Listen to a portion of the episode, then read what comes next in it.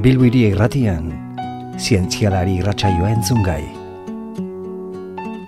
Universidad País Basko Euskal Herriko Unibertsitateko Kultura Zientifikoko katedrak eta zenbat gara elkarteak elkarlanean prestaturik. Zientzia gizarteratu eta haren balio historia eta lorpen nagusiak edatzeko. Izarren hautsa egun batean, bilakatu zen bizigai. Euskal Herriko Unibertsitateko irakasle eta ikartzailea da nerea osinalde. Mila, bi mila eta amabian doktoratu zen EHUko biokimika eta biologia molekularra sailean. Eta bi mila eta bederatzitik EHUko biokimika eta biologia molekularra saileko irakaslea da gaur egun gazteizko farmazia fakultatean dabilela. Kate horretan denok batera, gogor kiloturi gaude. Gaurko gaia, kanpoko zen barneko erasoi aurre egiteko erarik eraginkorrena, arekiko immune izatea omen da. Immunea izan ezkero, babes osoa duzu eraso konkretuen aurrean. Eta badirudi, beha, printzipio horretan oinarriturik, azken aspaldion immunoterapiak itzelesko askunde izan duela, minbizia eta beste zenbait gaixotasun hilgarri hart- hartatzeko orduan. Azken urteotan, proteomikan egin diren ikerkuntzek zerikusi handia daukate immunoterapia tekniken garapen horretan. Gaurko saioan nerea osinalderen eskutik, ahotik, jakingo dugun bezala, bera bergaratik eh, bilbora, etorri baitzegu gaurkoan, honetaz hitz egiteko e, proteomika, proteinak, immunoterapia, buf, langintza zaila eta luzea daukago horretik e, e, nerea. E, kaixo, mila esker bai. etortzagatik, ongi etorri, zuri irrati honetara, zuei gonbidapenagatik. eta ekingo diogu lanari, ez da? Tira ba. Eta lehenengo galdera, ba, lehenengo galdera, nik uste dut pixka bat e, derrigorrezkoa dela, zeren e, elikadura kontuak direla eta igual desitxuratua dago bere esan nahia, ez da? Eta proteini buruz galdetu behar dizut, eta eta zergatik dira hain garrantzitsuak proteinak, eta zertaz arduratzen dira ba, proteinak hain garrantzitsuak e, izateko, nerea? Ba, proteinak dira azken finean e, gure gorputzean gertatzen diren prozesu guztiak gauzatzen eta kontrolatzen dituzten molekulak. E, beraik arduratzen dira, ba, zelula barruan e, gertatzen diren erreakzio kimiko guztiak e, askartzeaz, bai, ba, berez erreakzio kimikoa gertatuko lirateke, baina proteinei esker, ze aski entzimei esker gertatzen dira oso askar eta horri esker gu bizirik gaude. Bestela e, jaten dugun horretatik energia lortzeko adibidez denbora gehiegi beharko genuke. Edo patogeno arrotz bat sartzen denean gure gorputzera hori detektatu eta suntsitzeaz arduratzen dana, ba, proteina bat da. Edo muskulua uskurtzen bada, bada muskuluan bertan dauden bi proteinei esker, miosina eta aktina. Hortaz, proteina, milaka proteina daude, bakoitza dauka bere bere ezaugarriak, bere funtzio espezifikoak, baina azken finean dia zelulako prozesu guztiak gauzatzen dituztenak, bai? Dia nola betzateko herri bateko langileak. Berrateko Hortxe. langileak, langile finak, ez da? Eh, Hor daude, baina behar ditugunean, tak, momentuan erantzuten dute, zuk zeuk oso ondo esan duzun bezala zebestela, jan dugun horri nola aterako diogu etekina, hortxe daude, proteinak, ez da, Bai. horretako. Bueno, geroago hitz egingo dugu horretaz, ze benetan, benetan izugarri polita iruditzen zaite gai hori eta sakondu behar dugu gero apur bate gehiago horretan, eh? Bueno, bigarren galderatxo bat. E, gure gorpuntzak baditu e, baditu hainbat milioi zelula. Eta zelula bakoitzak milaka proteina. Nola iritsi zaitezkete zuek eh, zientzialariok tamaina nimino hoiek aztertzera? Ze hori, iaia nanoteknologia da, ezta? Proteinekin lan egiten, dinozu. Bai, iaia. Bai, bai. Hain, dira txikiak, hain dira iaia ikusa ez dinak. Bai, proteinak ez dira ikusten. Zelula bat ikusi zeinke, mikroskopio, mikroskopio Ez dira ikusten. Proteinak ez dira ikusten. Ikusi daitezke mikroskopio oso potenteekin komplexu proteikoak. Adibidez, erribosoma bat, bai, proteinak ekoiztea arduratzen den makinaria bat oso oso handia da, e, proteinaz eta RNA molekula osatuta dago, eta hori ikustera hel gaitezke ba, mikroskopio elektroniko batekin. Ez e, dosien laborategietan daukun mikroskopio optiko batekin ez. Hortaz, mikroskopioak ez ditugu ikusten. Horta, proteinekin lan egiten duguno pixkot e, itxu-itxuan eitzen du lan e, zentzu horretan. Fede handia Fede duzue. handia, bai. Badauzko zeharkako teknikak e, detektatzeko, baina inoiz ez duzu ikusten proteina bat.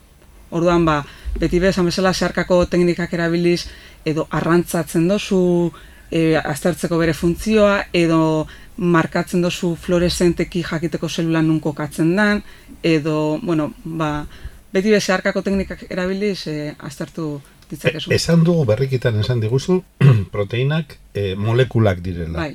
Molekulak bai ikusten dira, ordea edo ez. Ez dia... Molekulak olan e, orokorrean Ez, ez da? DNA behi, bat, adibidez, DNA irudiak badaude, baina ez guk ikusten dugun, mm, ez dakit ez, le, el, irudi tipiko hori, elize bikoitzarena hori ezin da horrela ikusi. Aha, aha. Badaude hori, sarkako metodoa, ba, X spin difrakzioa, eta beste metodo oso, ez, oso punteroak, eta horren bitxartez Hauteman, hau, atzeman leike, Bai. ez da alakoak Bai, direla. Baina ez da guk gero e, daukagun ikuspegi hori edo egiten dira simulazioak. O simulazio, bai, proteinen kasuan be badaude teknikak X-spin bitezko difrakzioak eta proteinen estrukturak ezagutzen dira. Baina gero, e, proteinen egiturak programa informatiko batek ere ekitzen ditu. Orduan, zu datu batzetatik ondorio estatu zeinke, zein izangoan proteina horren itxura, egitura, nola tolestuko dan, e, nola aldatuko dan bere itxura ez dakin norekin lotzen denean, edo ez dakiz gertatzen zaionean.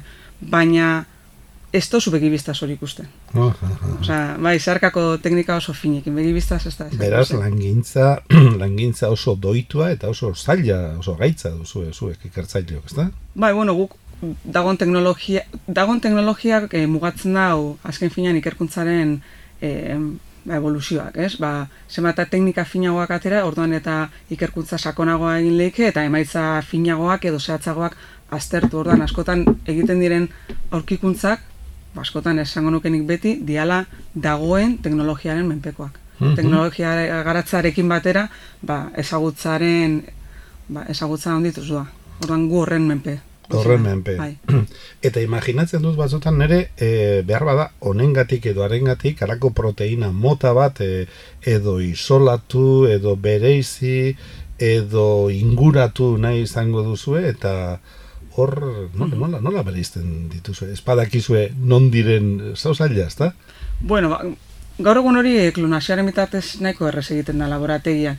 Osea, zu benetan proteina bakar baten ikerkuntzan interesatuta baldin basaude, ba egiten dana da, gaur egun genoma ezagutzen dugu, orduan badakizu proteina hori ze genetik datorren. Bai? Orduan posible da gene horreta, nolabait gene hori isolatu eta sistema artifizial bat erabiliz adierazi zu bakarrik zure proteina. Hortaz, bueno, badaukazu e, nolabait eh, inguruneko kontestutik aterata, baina daukazu purua. Eta horrek matotzu abantaia batzu. Kontekstu biologikoa galdu dozu, baina dauka beste abantaia batzuk puru, Bai. puru e- eukitze horrek. Purua eta bere bakarra, bere soiltasun hortan, bere bakartasun hortan Bai. aztertzeko aukera, ezta? Gero beti bezartu zeinke zelula baten eta ikusi zeinekin juntatzen dan, edo...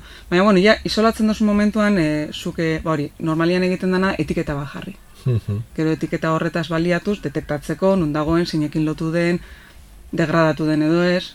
Horren, horre, ba hori, ingenieritza genetikoak eh, eukidaben, ba, garapenari esker, gaur egun errezagoa da e, era hortako ikerketa egitea.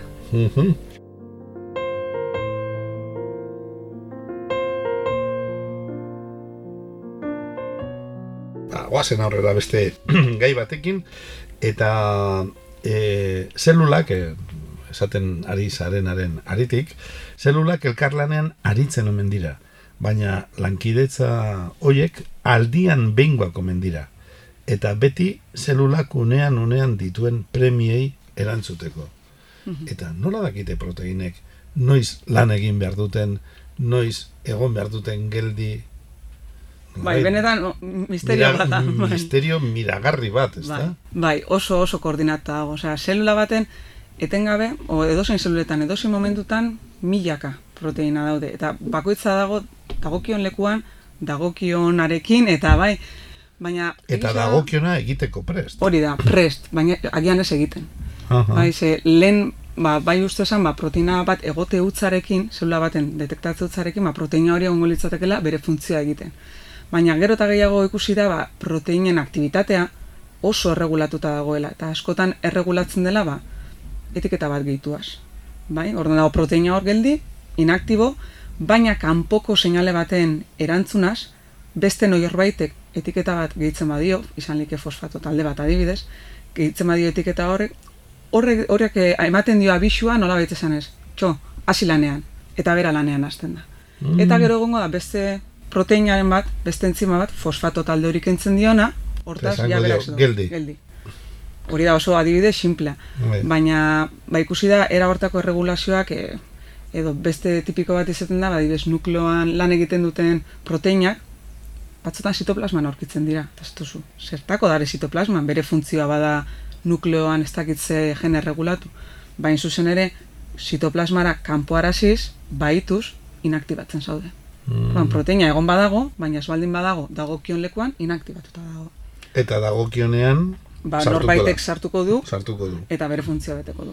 Onalako mekanismo pila bat ezagutzen dira. Norbait, eh, zerbait aipatzen ari gara, norbait harako anaia handi bat aipatzen ari gara. Beste Ze- proteina bat izango da. beti. beste proteina bat izango da gehienetan, ezta? Bai. Mhm. Azkenian hau da, e, kooperazioan egiten da, gertatzen da zehose. Txikitik handirako bidaia bat da bizitza, ezta? Bai, hori da. Horre bai dakizela elkarlanian lan egiten eta ez guk. Osea, bai, hori da, osa era koordinatuan, orkestratuan, eta hau dana mikromili segundutan. Osea, gure gorputzak etengabe dago kanpoan segertatzen den e, detektatzen, horri erantzun bat e, emateko lehen bai lehen. Bestela zinak e, hemen egongo. Eta hori etengabe. Orduan, ba hori, eta normalian bide zidor horretan edo em, mekanismo horietan guztietan, ba, proteinak dira garrantzitsuna, baina bai lipidoek ere parte hartzen dute. Lipidoak zer dira? Bai. Zer dira? Ba, lipidoak dira, e, ba, bueno, beste mole, lau molekula mota daude, zeuletan batez daude. DNA, ADN, azido nukleikoa, material genetikoa eta geneak dauden lekua, daude proteina, diala zelulako langile finak, lipidoak batez be izaten dira zelularen gainazala mintza osatzen duten molekula batzuk. Bai, beste izaera bat daukate, e, ez dira hain aktiboak, proteinak bezain aktiboak, baina bueno, elkarre proteinekin, belkarrekin, zenbat Lurzorua betetzen. osatzen dutenak edo Hori da, bai. eh, langile horiek ibiltzeko, mugitzeko, halako zerbait. Bai, ezta? bai, Mhm. halako, eta gero laugarren makromolekulak izango lirateke azukreak. Bai? Mhm. Baina horrek ez dauka horren funtzio aktiborik zeluletan. Zer egiten dute, eh, horiek, laugarren horiek? Bueno, azukreak ba, adibidez proteina batzuk aktibatzeko, inaktibatzeko azukreak gehitzen zaizkia. Mhm. Ikusi da zelulen gainazala, ba, nini beti esatut, ez? Zelulak ez dira antiisolatuak. Ez dira bola batzuk, sin más, ez. Gainazalean detektore pila bat dauzkate. Bai, lan radarrez josita dauden e, ba, unitateak dira, ba, etengabe jakitzeko kanpoan zer gertatzen den, eta seinale hori zelula sartzeko. Eta zelulak berak, ba, erantzun egoki bat emateko.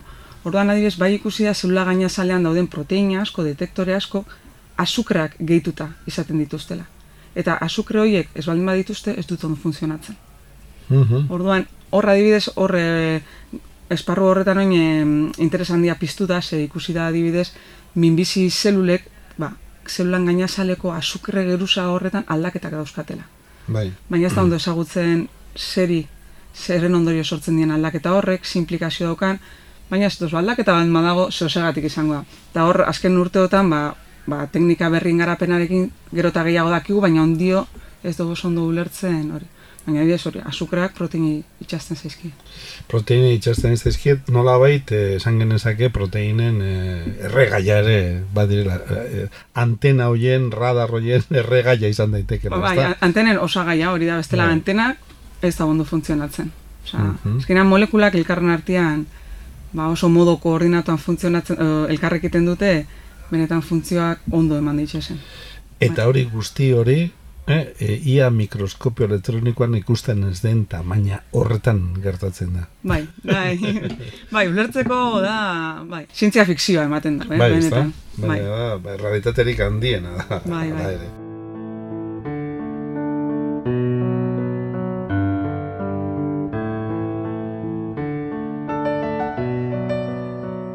Bueno, bagoazen aurrera eta e, zer izendatzeko erabiltzen duzue proteoma izena? Proteoma hitza definizioz da, ba, zelula baten, momentu jakin baten, dauden proteina multzoa. Ba, hitza berten zan, ba, pixate, genoma hitza guztiok asko entzun genuen, ba, giza genomaren e, sekuentziazioaren arira eta oso hitz famatu egin zan, ba, bueno, ba, proteinetara trasladatu zitzori, ba, proteoma hitza asmatu zan e, kako txartea. E, genoma eta proteoma konparatzen badugu, ga, genoma gure zelula guztiek genoma bera daukate. Mhm. Aldiz, gure zelula guztiek proteoma desberdin bat daukate. Eta are gehiago, Funtzio ezberdinak dituztelako agian. bai, bai, baina are gehiago, e, gaur, e, bastakit, esnatu berritan gure gibeleko zelula batek zeukan proteoma edo oheratzera goanean gure zelula berak daukan proteoma desberdina izango da. Ze beharrak desberdinak dira. Mm. Zelularen beharrak egunean zehar aldatuz doa zenez, proteina sorta be aldatuz doa. Hortaz, askoz ere kontzeptu dinamikagoa da proteomarena, zentzorretan. Adibide tipikoa jartzen dena da, ba, tximeletarena, ez? Tximeleta jaiotzen denean, bada olako ar bat, ez nahiko Bai. itxusia da ar bat, Bai. eta ba, bere bizitzaren bukaeraldian tximeleta oso polita da. Ba, arrak eta tximeleta horrek, biek, bai organismo bera dan horrek, genoma bera daukate. Baina proteomak ez dauka zer ikusirik. Bai, hori da ipintzen den adibideri Ba, ba, ba, tipikoena. ba. Claro, baina genoma berbera da. Bai, Batean instrukzioak berdinak dira, baina instrukzioaren irakurketa aldatuz doa. Aldatuz doa beharren arabera, eta... Bai. Beste galdera bat. E, nola ikertzen ditu proteomikak e, proteinak? Ah, eta gero bide batez galdetu nahi zut, e, ikerketa Euskal Herrian egin duzula, baina baita Skandinavian ere, Danimarkan ere ibili zinen, ez da, hau ikertzen edo. Bai, dan, e, bat, tesian ja hasi nintzen proteomikako lehen esperimentoak egiten, hemen e, Euskal Herriko Unibertsitateko proteomika zerretzaren e, laguntzaz, baina gero sortu zitzaidan aukera Dinamarkara joatea, eta han badare talde oso potenteak, alor honetan, ba, teknikaren garapenean, ba, aportazio importantiak indituzten talde, talde batzuk, eta hoietako batera juteko aukeria suertatu jaten, eta bertara jo nintzen, nire gaixakin, eta pixkat, Esperientzia polita, izan zen. Oso polita, bai, bai, oso polita, asko ikasi naban, oso punta-puntako ikerkuntza taldia zen, eta ba, izan onean ikasten, eta gero ikasitxakoa, ba, bueltan ona, ona ekartzen saiatu ginen. Bai. Ondo, ondo. Eta proteomikan zabiltza. Konta iguzu, Bai. zientzia honen eh, mugak, zientzia honen esparrua zein den. Gau, ba, hasieratik esan dugu moduan, proteinak elkarren artean, ba, etengabe elkarrekiten dare, ba, benetan zelula, zelulan funtzionamendua bermatzeko. Hortaz, ez dauka zentzu askorik proteinak banaka aztertzea. Eta duela hogei, hogeita hamar urte, dala hogei, hogeita hamar urte, ba, teknikak, e, ba, mugak, e, orduko teknikak zeuken mugak e, ziela eta biokimikariek normalean proteina bat edo bi asko jota ikertzen zeben. Baina hoxe, kontutan okitzen nola funtzionatzen daben zelulak, ulertzeko ikuspegi orokor bat euki du. Eta modu dinamiko hortan, lehen aipatzen zenun modu Bai. dinamiko hortan ere aztertu behar dira? Osea, nola baita, oro har, e, e, orokorrean denak eta modu dinamiko batean? Hoxe, orduan, kao, teknika biokimiko klasikoekin ezinezkoa da amar mila proteina aztertzea. ezinezkoa da. Aldiz, ba, gaur egun badago e, masa spektrometria ditzenan makina bat, ba, proteomika aztertzeko oso oso erabilgarria dana. Hori, eh, erraz eh, azal liteke? Ez oso erraz ez, ezta? Bueno, saiatuko, a ber. Bueno, masa spektrometria berez kimika analitikoan da asko erabili hoi izan da, ba, beste molekula mota batzuk aztertzeko, baina kontua da dala hogei urte edo, egon zala aurrerapen, ba, aurrerapen bat esparru honetan, eta horri esker pro, proteinak aztertu ahal izan zian masa spektrometrian bitartez. Masa spektrometriak oinarrian egiten da da molekulen masak neurtu. Bai, zer gertatzen da guk ez ditugu proteina osoak sartzen. Egiten duguna proteinak txikitu eta sati txiki horiek aztertzen ditugu. Sati txiki bakoitzak dugu masa bat. Bai? Ordan makina honek neurtzen dago masa hori. Eta gero guk datu horietan masaia guztiak ordenagailuai galdetzen jau. Bueno, ze proteinak euki aldau masa hauen konpinaketa. Mhm. Lehen esan dugu moduan genoma ezagutzen dugu. Hortaz, ondorio estatu leike genoma batetik eratorri daitezkeen proteina teoriko guztiak. Eta gaur egun e, ordenagailuak dian potentiekin galdetu aljatzu, bueno, proteina hoiek mostuz gero, ze masa eukiko lukete? Eta gero itxen dana da, masa teoriko hoiek konparatu masa eksperimentalekin. Hortaz programak esatotzu, ba, zure datuen arabera, badirudi, zure laginean daudela proteina honek. Eta gainera, ba, intentsitate honekin. Horrek ematotzu pixkat eh, informazioa zein, zeinen e, ugaritasun, zein dan proteina bakoitzaren ugaritasuna. Mapa osoa egin, Hori dez, da. egin dezakezu, Hori da. ezta? Eta esperimentu bakar baten detektaztu zeinke errez asko, ba, 6.000, 6.000 proteina. Horrein dela hogei urte bat, bi, bai. orain milaka astartzen ditu zatea. Jo, nola aldatzen nahi dien dema. Gero lana da, horrei da nahi, esan nahi biologiko bat topatzea. Irakurketa, Irakurketa. egokia itea, ez da horren. aha. Baina, bueno, hor dago, ez? Gaur egun, azkenean ordenagailuak oso potentiak dira, eta omiken, esaten da omiken munduan gara, ez? Ba, Genomika, metabolomika, proteomika, omika, omika, eta horrek danak ustartuz, ba, egoten dira alako simulatzaile, alako e, programa bereziak laguntzen dutzunak interpretatzen datuak. Zuk begibistaz, sortzi mila proteinen izenak ikusiaz ezer gutxin zeinke. Ez, orduan, ba, bueno, hor dago, oin muga agian dago hor, ordenagailuen e, ez, e, interpretazio horretan, bo, muga edo hor dago erronka. Hor, Mhm. bioinformatikariek daukate oin e, pelota beraien tegiatuan dago, oin, nola betzen da. Bueno, guazen aurrera. Guk ulertzeko eran azalduta, e, nola azalduko zenuke immunoterapia? Ba, immunoterapia da, gure sistema immunea aktibatzea, kitzikatzea, potentziatzea, ba, bera arduratu dadin, mm, ba, gu daukagun gaitz horri aurre egiteko. Mhm. Osa, oin arte, hau batez berabiltzen da e, minbiziari aurre egiteko, bai?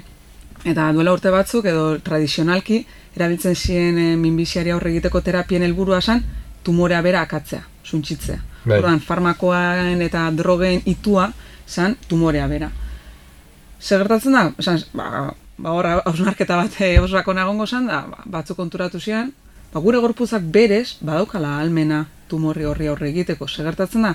Tumoreak badauzkala trikimailuak gure sistema immunea engainatzeko, inaktibatzeko, ez nolabait eh, bere aktibitatea apaltzeko, eta horregatik gure sistema immunea dagoela lo. Baina hor dago. Orduan, immunoterapiak den helburua zein da, ba, lo dagoen eh, sistema immune hori aktibatzea, eta esan bezala, ba, berau arduratzeko tumorea esabatzeaz edo suntzitzeaz.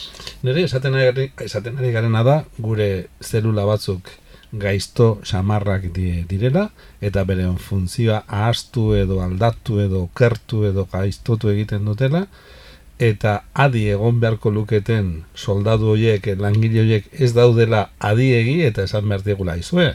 Hoixe, Gaiztakerean ari dira hauek, ez da? Hori da. hori da, zuzen be. Osa, da, e, gure gorputza daukan ahalmen bat, baina ahalmen hori dana dalako gaitxi anulatuta dago, bada, nola bezatia, e, txo, eizu zure funtzioa, ze zu hemen zare, eh, ze gaiztua dan hori suntxitzeko, eta hor dago, zuesa konturatzen, baina hor dago.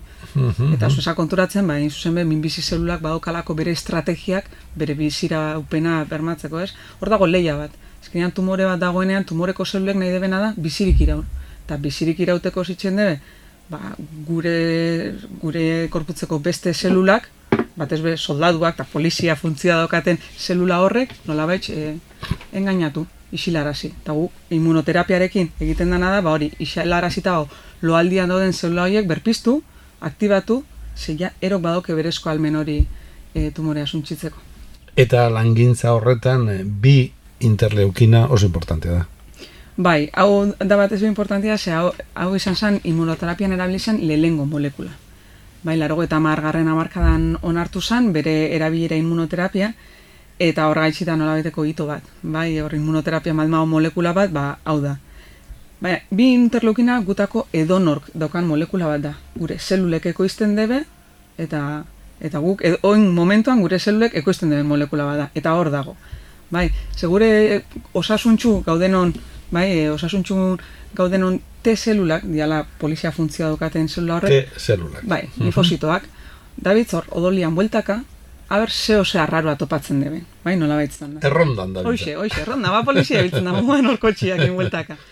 Eta zeo ze arraroa ikusten debenean, bai, aktibatu itzen dira eta satitzu itzen dira. Zeia polizia batekin ez da nahikoa, komeni mila polizia gotea. Orduan, beraien burua satitzen dute.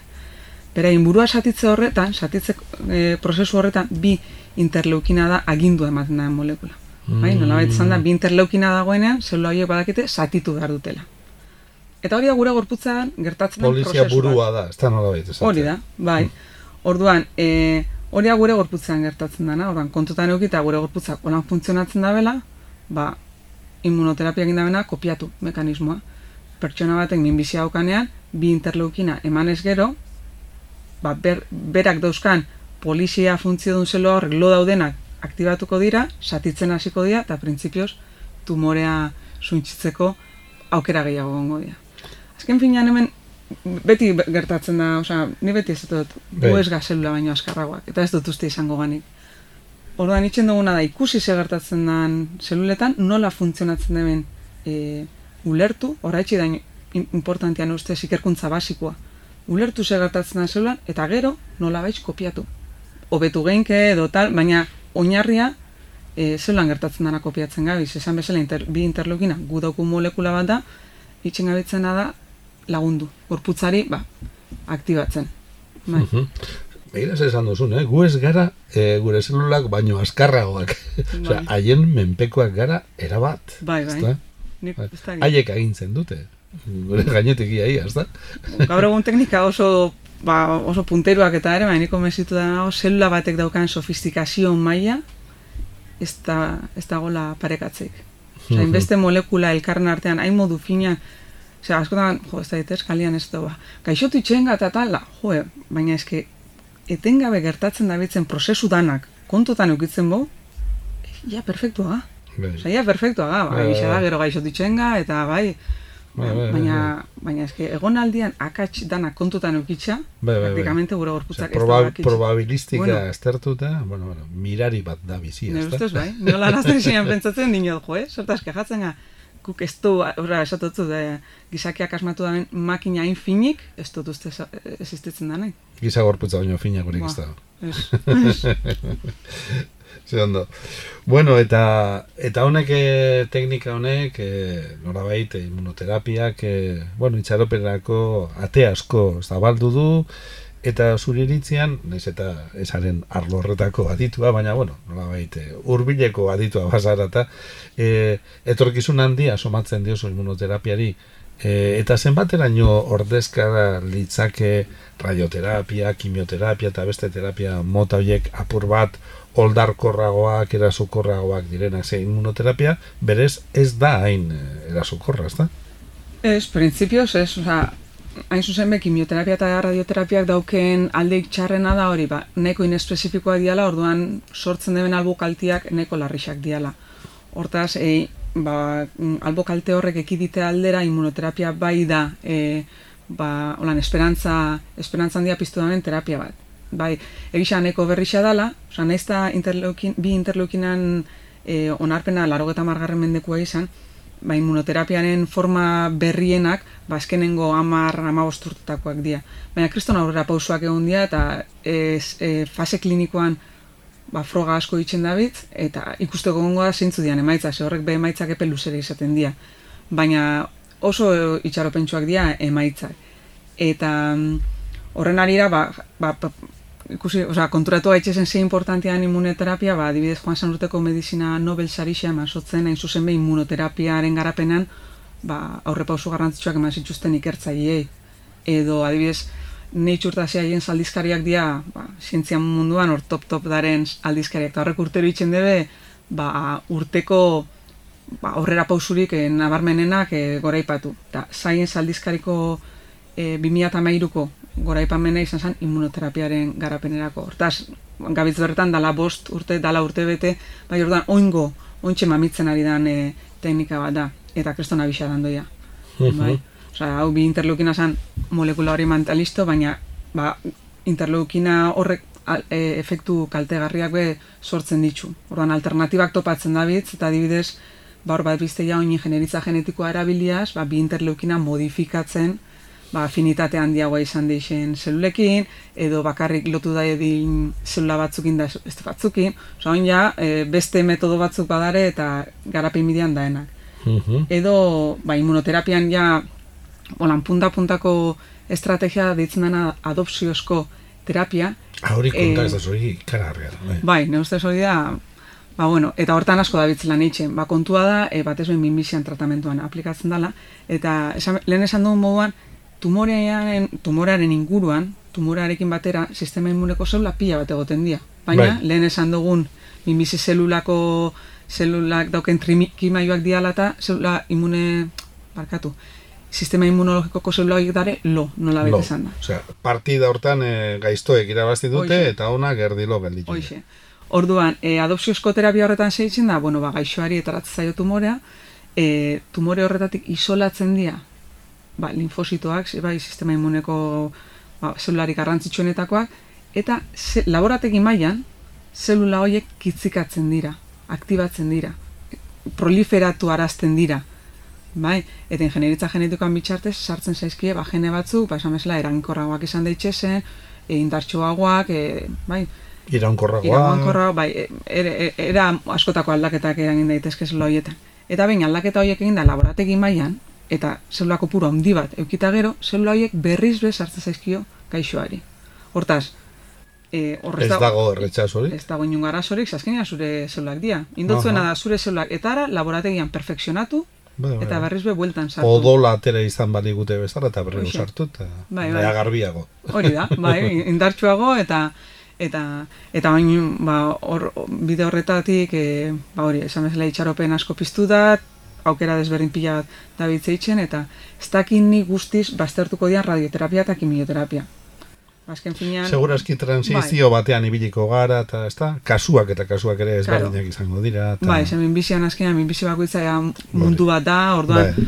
nik oso zaila ikusten du esatia, ba, bakarrik terapia hau izango dara inkorra, ba, pentsatu eta beti gertatzen moduan, askotan komplementarixoak izaten dira, eta, ba, bueno, argi dagona, immunoterapia fina hau dala, ez da lain oldarkorra, eta eta norberan mekanismo batez baliatzen da bat umoreari aurre egiteko. Ez da kanpotik droga bat hartzia edo bai, ordan alde hortatik eh es naturalagoa baina bueno, es bai, bai, bai, bai, bai, bai, naturalagoa bai, izan bai, bai, izan bai. bai. Jo, nerea, ze gustora garen eta benetan segi iztasuna proteina horiek eh, zaintzen eta kitzikatzen gure alde lan egin desaten oso, oso langintza polita oso benetan eskuartean, eta ben, jakin diteke zertan nahi zaren orain, zehar izaren ikertzen edo... Bai, ba, bueno, proteimika munduan jarraitzen dut, baina ba, Dinamarkatik bueltatu nintzenetik, baina beste ikerkuntza talde baten, be bai, proteinak aztertzen, baina kasu honetan ez immunoterapiarekin erlazionatutakoak, baizik eta ba, Angelman sindromea deitzen da,